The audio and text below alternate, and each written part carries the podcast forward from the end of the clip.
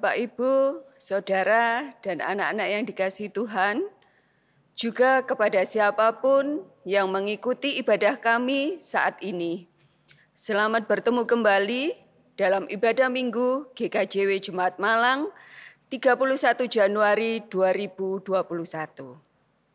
Salam damai sejahtera dari Tuhan Yesus Kristus untuk kita semua. Jemaat milik Tuhan, seiring dengan berjalannya waktu, tidak terasa bulan penciptaan berakhir pada minggu ini. Namun tugas kita untuk terus mencintai, menjaga, memelihara, serta melestarikan alam lingkungan di sekitar kita adalah tanggung jawab kita bersama. Oleh karena itu, mari kita ambil bagian dan peduli terhadap karya Tuhan Allah di tengah dunia ini dengan terus dan terus peduli ikut serta melestarikan alam ciptaan Tuhan yang indah ini. Bapak Ibu serta saudaraku yang terkasih, ibadah kita saat ini dilayani oleh Bapak Pendeta Legal Hendriawan SAG. Mari bersama masuk dalam peribadatan kita awali dengan memuji Tuhan dari Kitung Jemaat 68. Kita nyanyikan baitnya pertama dan yang kedua, Tahukah kamu jumlah bintang?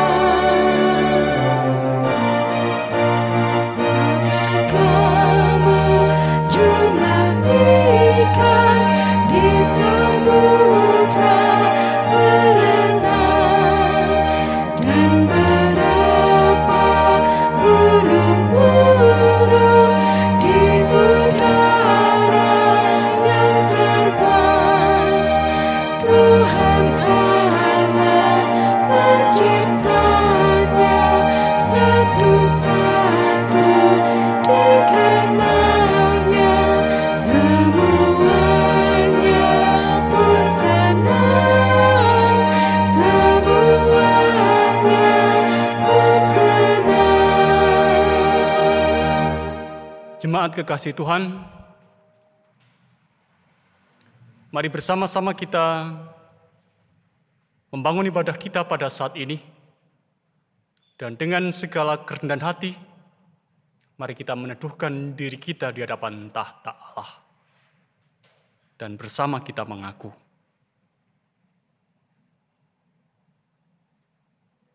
Ibadah penutupan bulan penciptaan saat ini kita lakukan dalam nama Allah Bapa yang menciptakan langit dan bumi, yang tidak pernah meninggalkan pekerjaan tangannya dan yang kekal kasih setianya.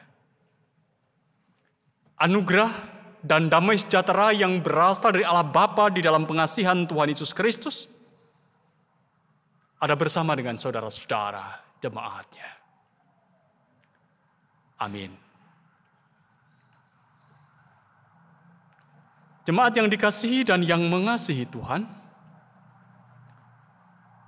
tema ibadah kita pada saat ini didasarkan pada kitab kejadian pasal 3, ayat 19 dan ayat yang ke-23 yang dituliskan kepada kita.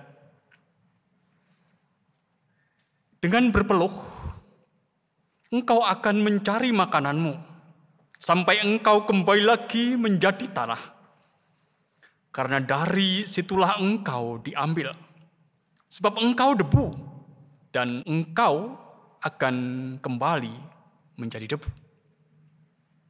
Lalu Tuhan Allah mengusir dia dari Taman Eden supaya ia mengusahakan tanah dari mana ia diambil. Amin. Hitung jemaat 63, bait yang pertama.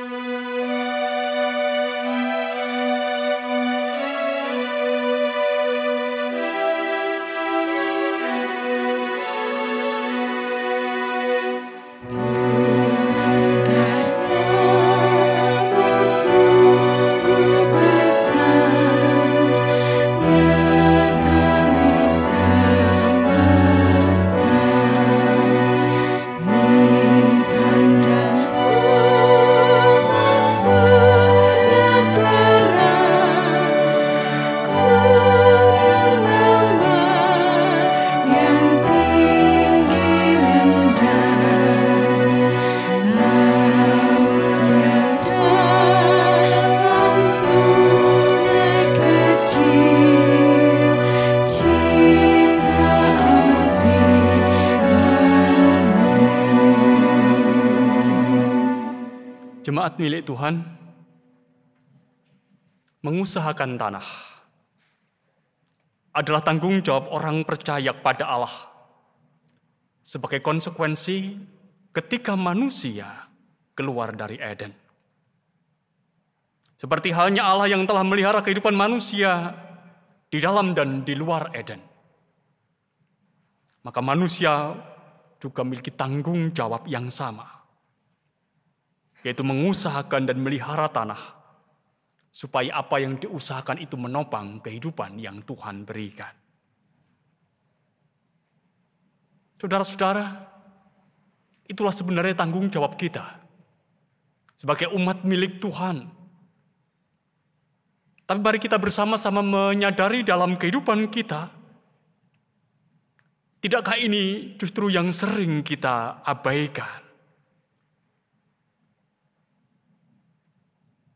Apa yang kita katakan, apa yang kita lakukan, atau banyak kebijakan dari manusia yang justru merusakkan alam semesta. Dan itu adalah kenyataan yang ada di dalam kehidupan kita. Oleh karena itu saudara-saudara dan mengingat apa yang menjadi tanggung jawab umat percaya untuk mengusahakan tanah. Dan sering justru kita mengabaikan maka saat ini mari bersama-sama kita mengakui keterbatasan kita pada Tuhan di dalam doa. Kita mengakui dosa dan kelemahan kita di hadapannya.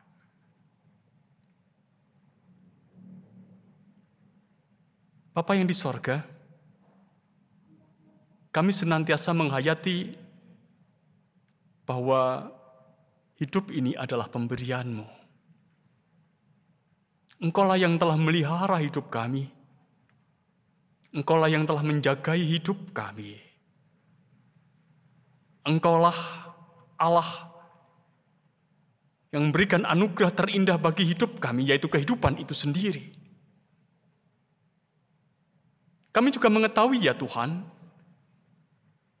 Engkau telah memberikan tanggung jawab kepada kami untuk mengelola tanah di mana kami ada dan hidup. Dan itu adalah tanggung jawab yang sudah engkau berikan bagi manusia sejak manusia keluar dari Eden. Ketika menyadari tugas itu ya Tuhan kami mencoba untuk melihat apa yang sudah kami lakukan dalam hidup kami. Dan kami mendapati ya Tuhan, sering kami mengabaikan apa yang menjadi sabdamu itu.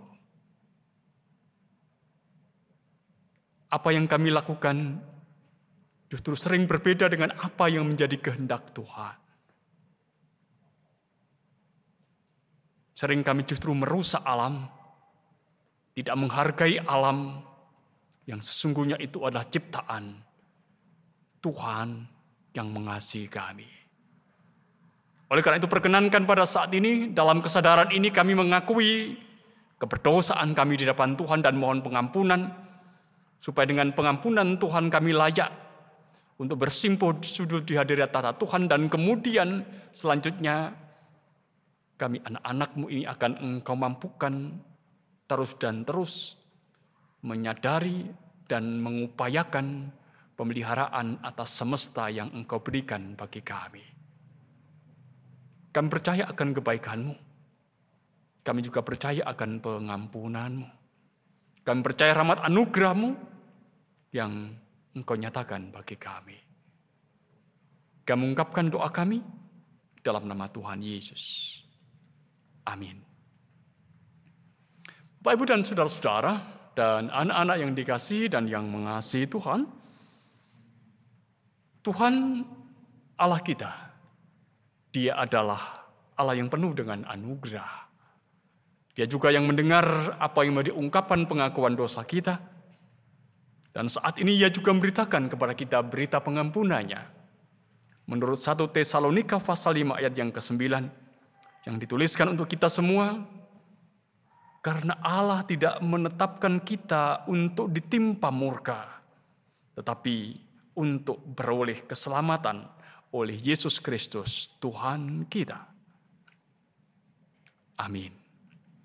Seiring dengan berita anugerah yang kita terima, mari kita menanggapinya dengan kita angkat satu pujian dari PKC nomor 32 bait yang pertama.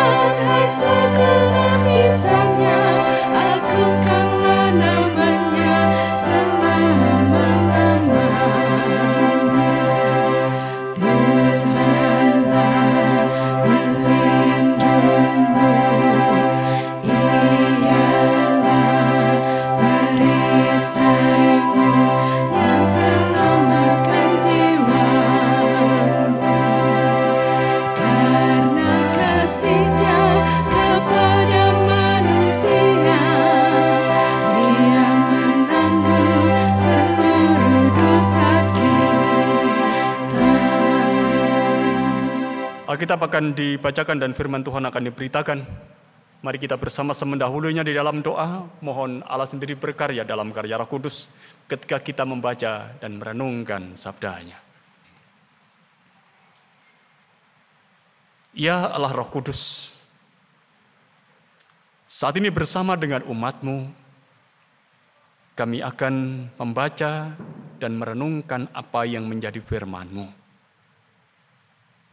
Tolonglah kami ya Allah, mampukan kami untuk mengerti apa yang Kau kehendaki atas kami.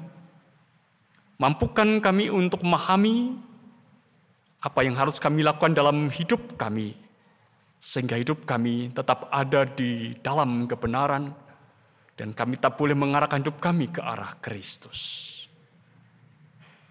Berkati kami, hambamu yang mewartakan, Berkati kami umatmu yang mendengarkan firmanmu. Supaya hanya karena berkatmu itu maka firmanmu akan tertanam dalam hati dan hidup kami. Dan boleh berbuah dalam perilaku hidup kami yang benar di hadapan Tuhan. Kan itu ya Tuhan pada saat ini engkau berfirman atas kami. Kami siap mendengarkannya hanya dalam nama Tuhan Yesus. Amin. Kesaksian firman Tuhan yang akan saya baca dan kita renungkan bersama diambil dari Injil Markus pasal yang pertama ayat 21 sampai dengan 28 yang demikian bunyinya. Yesus dalam rumah ibadat di Kapernaum. Mereka tiba di Kapernaum setelah hari Sabat mulai, Yesus segera masuk ke dalam rumah ibadat dan mengajar. Mereka takjub mendengar pengajarannya sebab ia mengajar mereka sebagai orang yang berkuasa, tidak seperti ahli-ahli Taurat. Pada waktu itu di dalam rumah ibadat itu ada seorang yang kerasukan roh jahat. Orang itu berteriak, "Apa urusanmu dengan kami, hai Yesus orang Nazaret? Engkau datang hendak membinasakan kami? Aku tahu siapa engkau, yang kudus dari Allah." Tetapi Yesus menghardiknya, katanya, "Diam, keluarlah daripadanya." Roh jahat itu menggoncang-goncang orang itu dan sambil menjerit dengan suara nyaring ia keluar daripadanya. Mereka semua takjub sehingga mereka memperbincangkannya. Katanya, apa ini? Suatu ajaran baru. Ia berkata-kata dengan kuasa. Roh-roh jahat pun diperintahnya dan mereka taat kepadanya. Lalu tersebarlah dengan cepat kabar tentang dia ke segala penjuru di seluruh Galilea. Demikianlah bunyi kesaksian firman Tuhan. Yang berbahagia adalah setiap kita yang mendengar dan melihara firman Tuhan dalam hati dan hidupnya. Amin.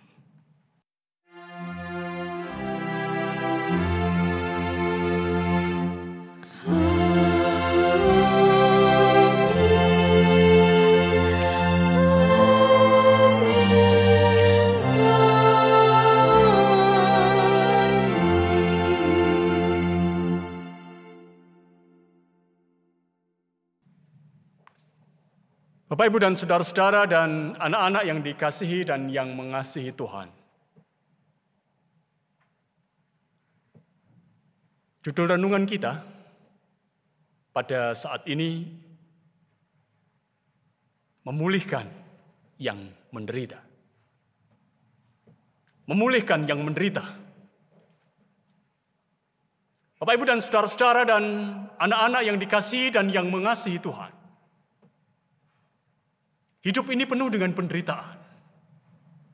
Tentu tidak sulit bagi kita untuk melihat wajah penderitaan di sekitar kita atau di dunia yang melingkupi kita. Tidak pula sulit bagi kita, saudara-saudara, untuk menemukan wajah penderitaan dalam kehidupan kita sebagai pribadi ataupun sebagai sebuah komunitas.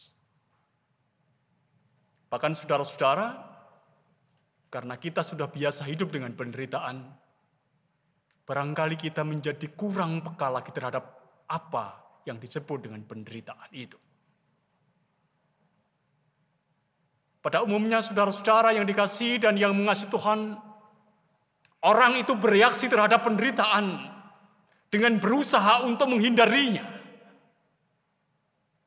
Orang cenderung mengejar kenikmatan karena memandang bahwa kenikmatan itu adalah sumber kebahagiaan.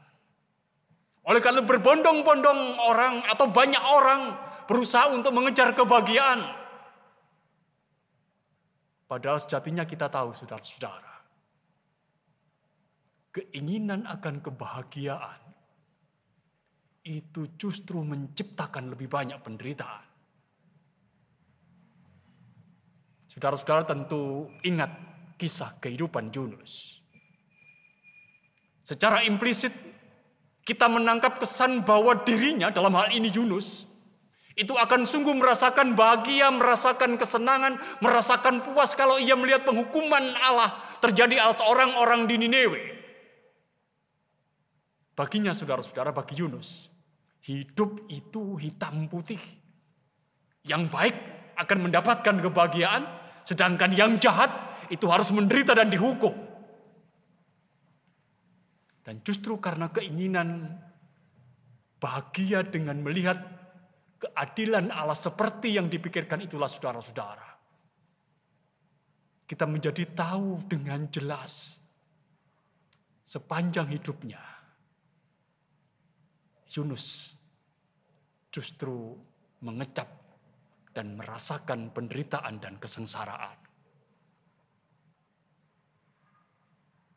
Dalam kehidupan sehari-hari saudara-saudara, kita memahami penderitaan itu sering dipandang sebagai pengalaman yang bersifat temporer, pengalaman yang bersifat sementara. Artinya penderitaan itu akan muncul pada waktu-waktu tertentu saja. Yaitu ketika ada kondisi-kondisi yang menyebabkannya. Misalnya, kita menderita karena sakit. Ketika rasa sakit itu mencengkeram kita, maka kita merasakan penderitaan. Tetapi ketika rasa sakit itu yang menyengkeram itu telah pergi, maka kita tidak lagi menderita. Ada pula yang memiliki pandangan saudara-saudara bahwa penderitaan itu terjadi karena kondisi-kondisi yang tidak ideal yang berasal dari luar batin manusia. Misalnya saudara-saudara, kita menderita karena penyakit, karena kemiskinan, karena konflik, karena perang, karena kebencian seseorang, atau karena kehilangan seseorang, atau kehilangan sesuatu yang menjadi milik kita yang begitu berharga karena kegagalan pekerjaan kita atau ketidakhormonisian hubungan dan lain-lain. Ketika penderitaan itu menimpa, secara spontan kemudian kita berpikir, ini salah orang itu. Oh, itu ini salah keadaan. Keadaan yang tidak ideal yang menyebabkan aku menderita. Itulah saudara-saudara dua pandangan yang ada dalam kehidupan kita mengenai penderitaan. Nah, pertanyaannya sekarang adalah saudara-saudara, betulkah? Betulkah penderitaan manusia itu hanya bersifat temporer dan disebabkan oleh kondisi-kondisi yang berasal dari luar batin? Betulkah demikian saudara-saudara? Tampaknya tidak demikian. Penderitaan manusia itu sebenarnya sudah ada sejak ribuan tahun yang lalu. Dan akan tetap ada selama manusia itu ada di dunia ini. Penderitaan itu menjadi penanda ketika manusia jatuh ke dalam dosa dan terusir dari pusat kebahagiaannya, yaitu Taman Eden. Jadi sungguhnya sudah dari sini kita tahu bahwa penderitaan itu menjadi ciri eksistensi dari kehidupan manusia. Eksistensi manusia itu adalah hidup dalam penderitaan. Dan inilah kebenaran yang ada, yang disodorkan kepada kita dalam berita Alkitab. Siapakah di antara kita saudara-saudara yang lahir dengan senyuman yang lebar? Siapa? Bukankah setiap orang menangis saat ia dilahirkan? Tangisan ini saudara-saudara, bukan hanya terjadi ketika kita dilahirkan pada saat itu, tetapi terus berlangsung hingga hari ini. Memang barangkali kita sudah tidak lagi mendengar tangisan secara terbuka di sekitar kita. Tapi sesungguhnya sadar atau tidak sadar, setiap orang terus menangis. Setiap orang terus menangis dalam upayanya untuk mempertahankan hidup di tengah situasi kehidupan yang keras untuk merebut dan berebut sumber kehidupan yang terbatas. Penderitaan itu saudara-saudara, pada kenyataannya mengiringi setiap langkah manusia, setiap langkah kehidupan kita dalam hidup ini. Kalau kita kembali mengingat saudara-saudara, apa yang menjadi tema ibadah kita dalam kitab kejadian pasal 3. Ayat 19 dan ayat 23 tuliskan begini. Dengan berpeluh engkau akan mencari makananmu. Sampai engkau kembali menjadi tanah. Karena dari situlah engkau diambil. Sebab engkau debu dan engkau akan kembali menjadi debu. Lalu Tuhan Allah mengusir dia dari Taman Eden supaya ia mengusahakan tanah dari mana ia diambil. Ini yang diungkapkan kepada kita. Inilah sesungguhnya wajah penderitaan yang terus mengiringi kehidupan manusia. Dan terhadap penderitaan yang ada dan dialami manusia inilah saudara-saudara. Allah sebenarnya mau melibatkan dirinya Allah mau menyatakan penyertaannya, Allah mau menyatakan pimpinannya, Allah mau menyatakan pembebasannya. Dan hal ini sudah sudah dilakukan Allah peristiwa manusia jatuh ke dalam dosa. Mari bersama-sama kita merenungkan sejenak. Ketika manusia itu menderita karena rasa malu, setelah makan buah terlarang begitu, dalam tanda kutip, di Taman Eden, Allah menghampiri dan menolong mereka dengan membuatkan mereka pakaian dari kulit binatang dan mengenakan pada mereka. Itu yang dilakukan oleh Allah bahwa Allah menutupi rasa malu dari manusia dengan membuatkan pakaian dari kulit binatang. Kemudian kita juga bisa melihat bahwa ketika bangsa Israel itu menderita dalam perbudakan di Mesir, Allah memberikan kebebasan dengan perantaraan Musa. Musa lah yang diminta oleh Allah untuk membawa Israel keluar dari tanah Mesir. Demikian juga ketika bangsa Israel itu ada dalam pembuangan di Babel selama 70 tahun. Mereka menderita di sana. Tapi Allah juga membawa kembali mereka pulang. Allah menyertai, Allah membebaskan mereka. Dan ketika manusia itu menderita karena dosa yang tak tertanggungkan saudara-saudara. Allah membebaskan manusia dalam penebusan Yesus. Satu hal yang menarik saudara-saudara, yang nampaknya perlu kita perhatikan di dalam kehidupan kita. Yaitu bahwa karya pembebasan Allah bagi penderitaan manusia itu hendak menegaskan kepada kita bahwa Allah itu membebaskan manusia dari kehidupan yang boleh dikatakan menyesakkan dan penderitaan yang dialaminya. Tapi semua karya yang dilakukan itu mau juga menekankan supaya manusia yang ditolongnya itu pada akhirnya berani menghadapi penderitaan itu apa adanya. Memang Allah memberikan kebebasan kepada manusia atau pembebasan kepada manusia, kemerdekaan kepada manusia. Tetapi Allah ingin pada akhirnya manusia itu sendiri berani menghadapi penderitaan apa adanya.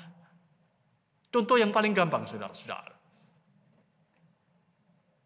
Kita ingat bahwa bangsa Israel itu dibebaskan oleh Allah dari perbudakan di Mesir. Momen pembebasan ini saudara-saudara bukan momen pembebasan Israel dari penderitaan. Karena faktanya sudah sudah di padang gurun bangsa Israel masih menderita kan? Selama 40 tahun mereka menderita di padang gurun. Artinya bahwa mereka itu sudah menderita di Mesir. Allah membebaskan tetapi Allah ketika membebaskan itu bukan berarti mensterilkan umat Israel dari penderitaan tidak. Penderitaan tetap mereka hadapi. Di padang gurun, mereka selama 40 tahun mengalami penderitaan. Bahkan ketika mereka masuk Kanaan pun, saudara-saudara, Kanaan itu sudah diduduki oleh bangsa-bangsa lain dan mereka harus merebutnya.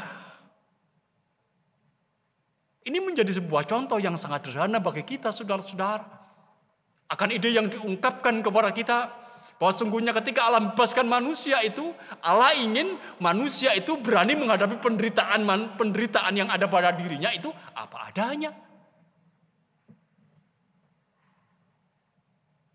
Contoh lain. Kepada seorang perempuan yang kedapatan berbuat jinah, yang diperhadapkan kepada Tuhan Yesus pada saat itu saudara-saudara, dia berkata, Aku pun tidak menghukum engkau. Pergilah dan janganlah berbuat dosa lagi mulai dari sekarang. Itu yang diungkapkan oleh Tuhan Yesus. Dari sini kita memahami bahwa Tuhan Yesus membebaskan perempuan itu dari penderitaan karena apa? Karena rasa malu, karena rasa bersalah. Tapi itu cukup baginya untuk boleh mengecap kebahagiaan. Dan untuk selanjutnya dia harus masih tetap berhadapan dengan penderitaan ketika dia harus menahan diri untuk tidak berbuat dosa.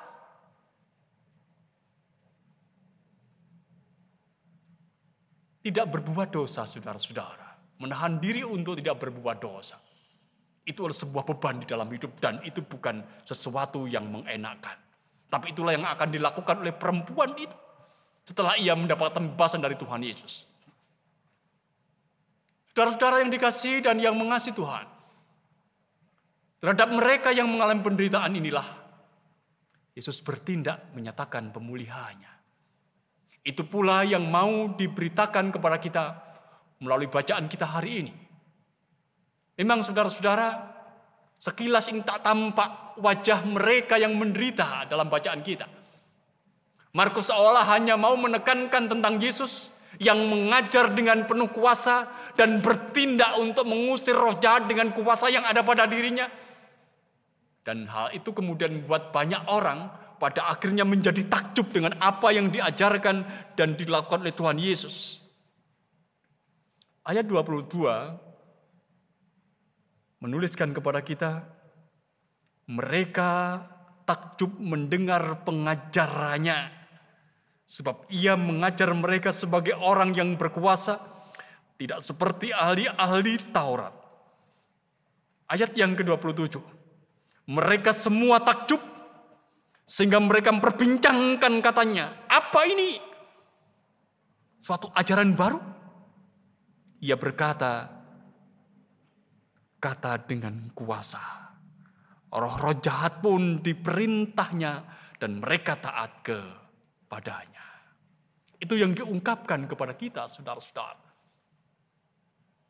Namun kita tahu saudara di balik kehidupan yang seolah-olah semuanya berjalan dengan normal, kehidupan yang berjalan dengan baik, kehidupan yang berjalan dengan sukacita, seperti tampak dalam peribadatan orang-orang Yahudi pada saat itu, ternyata tersembunyi wajah mereka yang menderita, yaitu dalam diri seorang yang dirasa oleh roh jahat. Dan kita tahu saudara-saudara, Injil-Injil itu selalu memberitakan dan berikan gambaran kepada kita semua bahwa mereka yang dirasuk oleh roh jahat itu adalah mereka yang ada dalam penderitaan. Atau ketika roh jahat itu masuk dalam diri seseorang atau merasuki seseorang, maka Injil-Injil selalu mengatakan, orang itu, orang yang dirasuk itu adalah orang yang ada dalam penderitaan. Kita ingat orang yang dirasa roh jahat di gerasa yang dijumpai Tuhan Yesus. Ia juga begitu menderita dalam pandangan Yesus. Juga diungkapkan kepada kita ketika ada orang buta dan orang bisu yang disebabkan karena roh jahat yang merasuk dirinya, maka sungguhnya orang itu juga merasakan penderitaan. Mereka ini adalah orang-orang yang menderita karena roh jahat merasuki mereka. Dan Tuhan Yesus saudara-saudara tahu persis penderitaan orang-orang yang dirasa oleh roh jahat ini. Oleh karenanya ketika roh jahat itu berkata kepada Yesus di dalam ayat yang ke-24, apa urusanmu dengan kami? Hai Yesus orang Nazaret, engkau datang hendak membinasakan kami? Aku tahu siapa engkau yang kudus dari Allah. Ketika roh jahat berkata seperti saudara Yesus tidak mau kompromi dengan kuasa yang menyebabkan penderitaan itu. Yesus dalam kuasanya berkata, diam dan keluarlah daripadanya. Seketika itu juga keluarlah roh jahat itu. Demikian diungkapkan oleh penulis Injil Markus dengan sangat jelas. Saya membayangkan saudara-saudara bahwa dalam peribadatan itu suasana yang tadinya ada suasana yang tenang kemudian menjadi heboh karena apa? Karena teriakan dari roh jahat yang keluar dari tubuh orang itu. Karena dikatakan kepada kita bahwa roh jahat itu berteriak dengan suara nyaring. Dan itu pasti didengar oleh semua orang yang berada dalam tempat ibadah pada saat itu. Yesus sudah sudah memulihkan mereka yang menderita. Itulah faktanya. Memang saudara-saudara tidak disebutkan siapa yang menderita dalam bacaan kita. Siapa yang dirasa oleh roh jahat yang kemudian menderita itu? Apakah ia laki-laki atau perempuan? Apakah ia orang kaya atau miskin? Tidak disebutkan. Bahkan namanya pun tidak disebutkan oleh penulis Injil Markus. Nah, tampaknya saudara-saudara, penulis Injil Markus ini mau menyatakan bahwa penderitaan itu bisa menimpa siapa saja tanpa kecuali. Di tengah-tengah kehidupan yang kelihatannya normal, di tengah-tengah kehidupan yang seolah-olah berjalan dengan baik ini. Dan Yesus saudara-saudara mengetahui dan bertindak untuk memulihkan. Di tengah-tengah kehidupan yang seolah berjalan dengan baik dan normal ini saudara-saudara. Sangat mungkin. Sekali lagi sangat mungkin. Menyembunyikan wajah-wajah penderitaan. Sangat mungkin di tengah-tengah kehidupan kita yang tampak baik ini ada orang-orang yang menderita. Entah karena apa. Sangat mungkin ada banyak orang menderita di sekitar kita.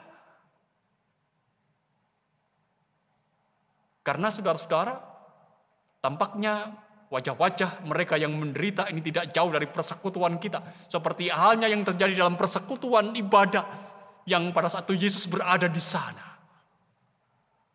Mungkin sekali bahwa mereka adalah orang-orang yang menderita, tapi mereka juga adalah sekaligus juga orang-orang yang dekat dengan kita dan mereka adalah orang-orang yang kita cintai.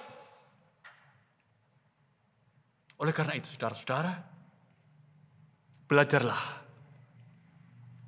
Sekali lagi belajarlah untuk memulihkan mereka yang menderita. Seperti yang telah Yesus lakukan. Dampingi dia saudara-saudara. Dampingi dia yang menderita untuk berani menghadapi penderitaan itu apa adanya. Dampingi dia agar berani untuk hadir di hari tahta Kristus. Supaya Allah sendiri yang akan bertindak memulihkan mereka yang menderita ini. Sehingga kita pun, umatnya, orang-orang yang percaya, akan mengalami ketakjuban seperti orang-orang di tempat peribadatan. Seperti yang diceritakan kepada kita oleh penulis Injil Markus. Saudara-saudara, inilah hal yang tampaknya mendesak untuk kita lakukan di dalam kehidupan kita mendampingi mereka yang ada dalam penderitaan. Entah karena apa. Seperti Yesus yang mendampingi orang-orang yang menderita. Dan pada akhirnya mereka berani menghadapi penderitaan itu apa adanya. Dan kita juga dituntut untuk berani sungguh-sungguh mendampingi mereka. Memulihkan mereka. Dengan apa? Dengan kuasa yang Tuhan berikan pada diri kita. Ingatlah bahwa setiap orang, tiap orang pernah diberi kuasa oleh Tuhan. Supaya kita berani melakukan seperti apa yang sudah Yesus lakukan. Untuk orang-orang yang menderita yang diceritakan kepada kita. Dan inilah hal yang mungkin untuk bisa kita lakukan dalam kehidupan kita. Secara khusus ketika kita menghayati bulan penciptaan. Ketika kita lakukan tindakan pendampingan itu juga berarti kita berupaya untuk memulihkan. Pemulihan bukan hanya terjadi alas untuk alam semesta, tapi juga kehidupan secara keseluruhan terhadap juga keseluruhan kehidupan manusia yang itu dekat dengan kita. Itulah dunia kita. Amin. Kita mengambil saat teduh.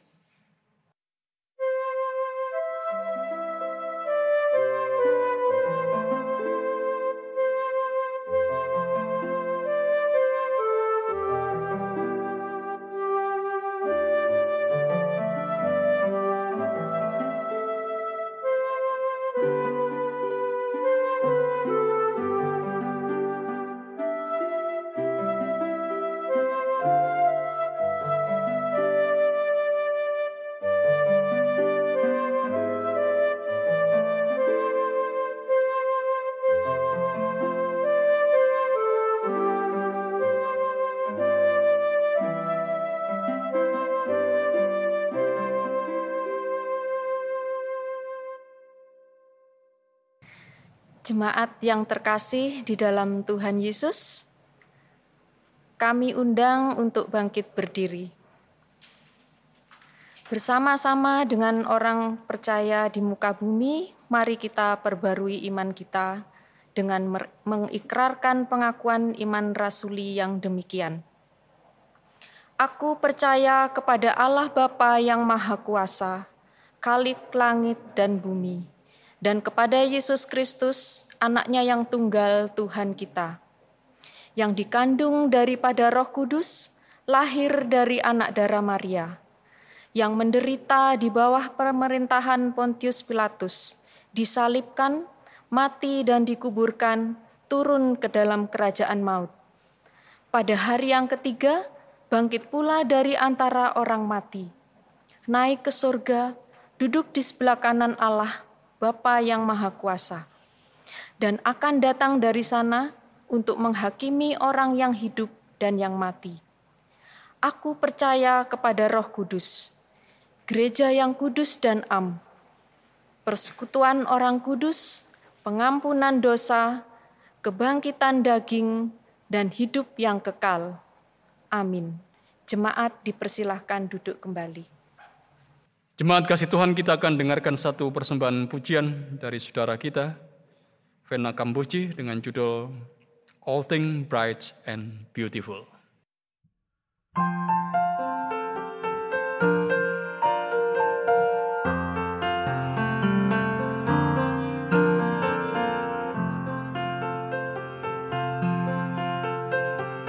All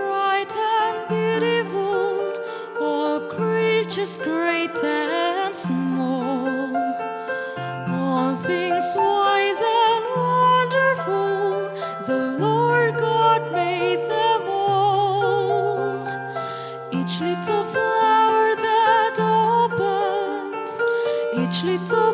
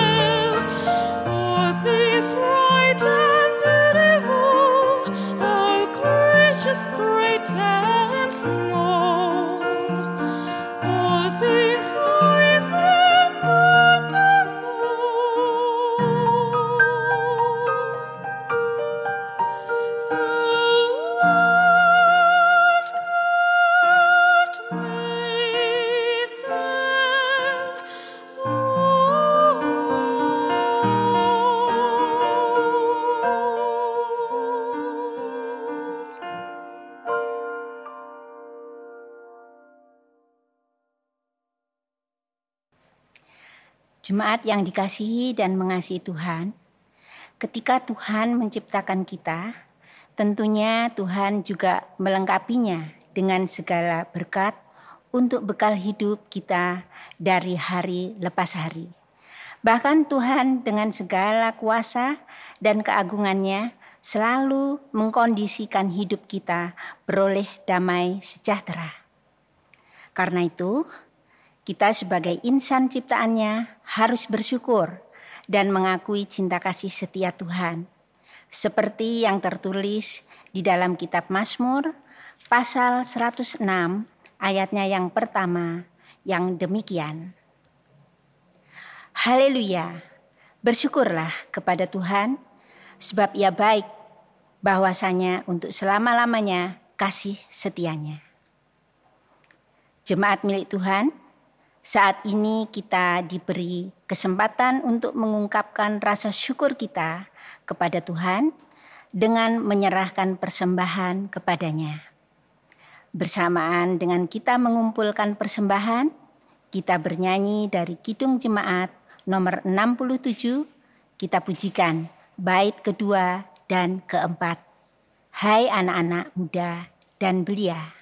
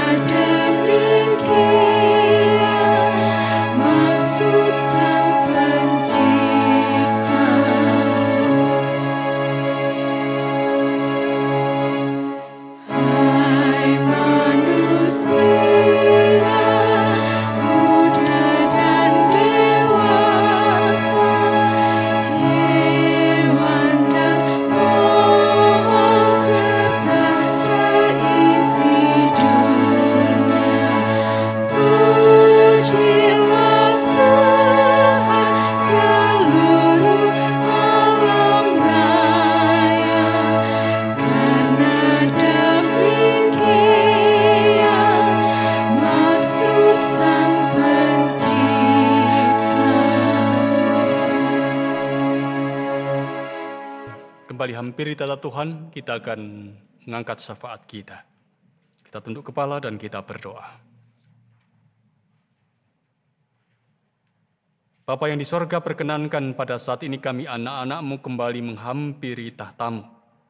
Mengucapkan syukur atas penyertaan dan pimpinan Tuhan sepanjang kami membangun ibadah kami pada saat ini.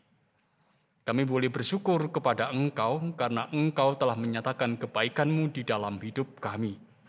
Engkau telah menyertai sepanjang kami membangun peribadatan kami menikmati perjumpaan kami dengan Engkau dan perjumpaan kami dengan saudara-saudara kami yang lain dalam Kristus Yesus. Bapa di sorga, biarkanlah apa yang boleh kami lakukan, semuanya berkenan di hadapan Tuhan. Menjadikan kami semakin boleh menyadari bahwa kami hidup hanya bergantung pada belas kuasihan dan kuasa Tuhan yang Tuhan selalu akan nyatakan di dalam hidup kami. Sepanjang bulan Januari ini, kami boleh bersyukur kepada Engkau untuk menghayati bulan penciptaan Gereja Kristen Jawa Wetan tahun 2021.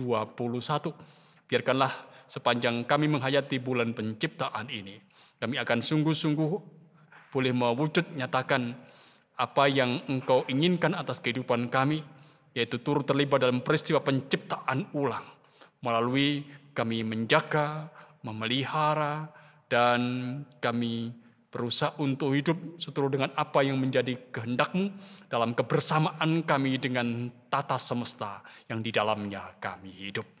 Terima kasih Tuhan, Engkau telah memberikan kesempatan bagi kami semuanya, sebagai pribadi dan sebagai satu persekutuan, untuk mengingat kembali bahwa kami hidup bergantung kepada alam semesta, di mana Engkau menempatkan kami, dan Engkau juga mengajarkan kepada kami bagaimana sungguhnya kami harus memikirkan ulang tentang bagaimana dalam hidup ini kami turut terlibat dalam karya Tuhan, menjaga dan melestarikan dunia di mana Engkau telah menciptakannya.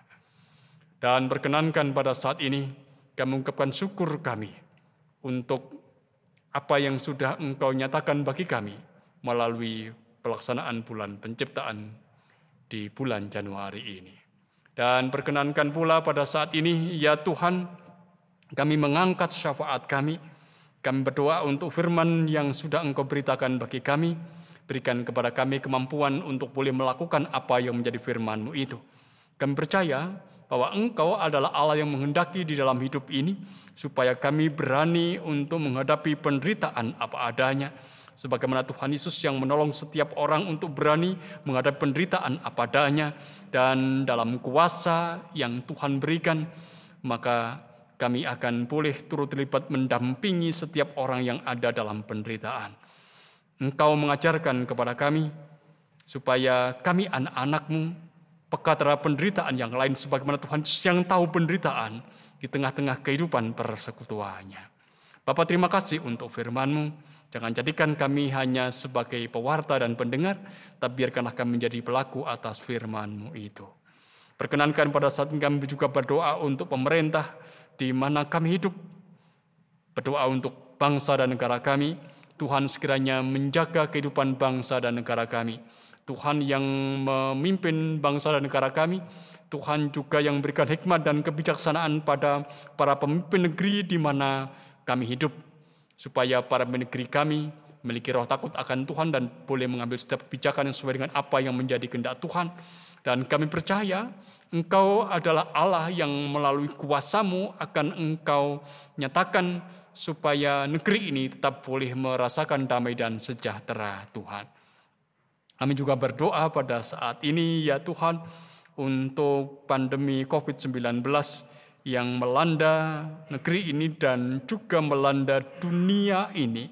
Engkau ya Allah yang akan turut terlibat di dalamnya untuk meredakan penyebaran virus COVID-19 ini. Sesungguhnya ya Tuhan kami tak mengetahui apa yang terjadi dan apa yang akan terjadi atas pandemi ini. Tapi kami percaya atas kuasa Tuhan yang terus bekerja untuk turut menjaga dan melindungi kami umatmu dan kami akan boleh senantiasa percaya bahwa Engkau adalah Allah yang memungkinkan kami boleh keluar dari pandemi ini. Berdoa pula untuk tenaga kesehatan, tenaga medis, para dokter yang mereka juga mengupayakan yang terbaik dalam pergumulannya menghadapi pandemi ini. Berikan mereka kekuatan, kemampuan, dan berikan mereka semangat untuk boleh memberikan yang terbaik. Kami juga berdoa untuk mereka yang karena pandemi ini harus kehilangan orang-orang dekat mereka, orang-orang yang mencintai mereka atau orang-orang yang dicintai oleh mereka. Tuhan yang memberikan penghiburan dan Tuhan yang memberikan kekuatan. Demikian pula saudara-saudara kami semua warga jemaatmu dan semua orang yang terpapar virus corona. Tuhan yang memberikan tambah kekuatan. Tuhan yang memberikan ketenangan batin dan hati, Tuhan yang akan memberikan kemampuan supaya mereka tetap percaya bahwa senantiasa ada pemulihan di dalam Tuhan. Kami juga berdoa pada saat itu persembahan yang sudah kami kumpulkan ya Tuhan. Biarkanlah persembahan yang boleh kami kumpulkan ini berguna untuk kemuliaan namamu. Dan apa yang boleh kami berikan ini merupakan ungkapan pengakuan dalam diri kami bahwa kami telah engkau berkati dan kami hidup hanya karena berkat-Mu. Kegiatan pelayanan yang ada di jemaat Tuhan, di lingkup majelis jemaat, majelis daerah, ataupun juga di majelis agung, kami serahkan kepada Tuhan. Supaya semua kegiatan pelayanan boleh berjalan dengan baik di tengah-tengah situasi pandemi yang menegangkan ini.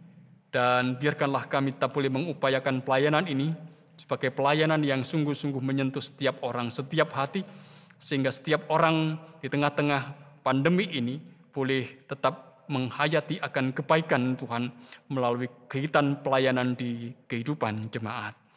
Berdoa pula ya Tuhan untuk setiap keluarga dalam setiap pekerjaan yang dilakukannya oleh setiap pribadi ataupun juga oleh keluarga Mampukan kami ya Tuhan untuk bekerja dengan penuh semangat. Mampukan kami untuk bekerja dengan sungguh-sungguh dan yakinkan dalam diri kami bahwa melalui pekerjaan yang kami lakukan, berkat Tuhan akan tercurah. Anak-anak Tuhan yang berada di bangku pendidikan, anak-anak Tuhan yang mendambakan teman hidup, anak Tuhan yang mendambakan pekerjaan, kami juga menyerahkan kepada Tuhan supaya mereka tetap ada dalam penyertaan dan pendampingan Tuhan sehingga pada akhirnya mereka boleh meraih mimpi dan harapan mereka. Kami sadar Bapak, apa yang menjadi ungkapan doa kami ini sangat terbatas. Tuhan yang memberikan kekuatan kepada kami dalam karya Roh Kudus supaya kami terus dan terus belajar untuk berdoa kepada Tuhan. Dan dalam keterbatasan doa ini, biarkanlah Tuhan sendiri menyempurnakan. Sebagaimana Tuhan Yesus yang telah mengajarkan kepada kami berdoa. Bapa kami yang di sorga, dikuduskanlah namamu, datanglah kerajaanmu, jadilah kendakmu di bumi seperti di sorga. Berikanlah kami pada hari ini makanan kami yang cukupnya, dan ampunilah kami akan kesalahan kami, seperti kami juga telah mengampuni orang yang bersalah kepada kami. Dan janganlah membawa kami ke dalam pencobaan, tapi lepaskanlah kami daripada yang jahat. Karena engkaulah yang punya kerajaan dan kuasa dan kemuliaan sampai selama-lamanya. Amin. Bapak, Ibu, dan saudara-saudara yang dikasihi dan yang mengasihi Tuhan, kita akan mengakhiri pada pada saat ini. Ingatlah bahwa engkau diutus. Diutus untuk mewartakan kabar kesukacitaan bagi dunia. Diutus untuk mewartakan Injil. Oleh karena itu lakukanlah tugas itu dengan segala kesukacitaan dan kegembiraan. Lakukan itu dengan pertama-tama belajar untuk mencintai alam semesta ciptaan Tuhan dan bawa kabar baik kepada dunia bahwa pemberi penciptaan Tuhan boleh terulang kembali melalui kehidupan kita. Hitung jemaat 426 bait yang pertama.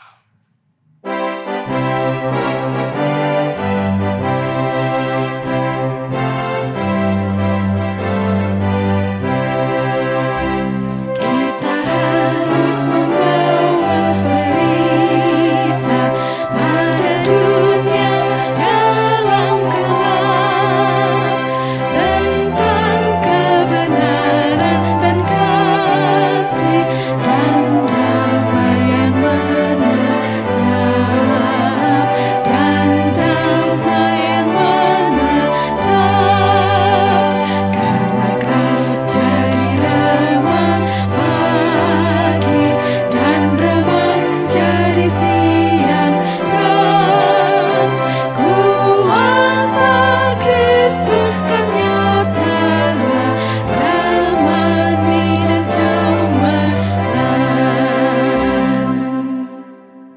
berkat Tuhan melalui hambanya. Allah yang kami sebut dalam nama Bapa, Putra dan Roh Kudus yang menjadi sumber dari segala berkat, sumber dari segala kekuatan, hikmah dan kebijaksanaan, kesentosaan beserta dengan saudara-saudara semua, menjalani kehidupan kini dan selamanya. Amin.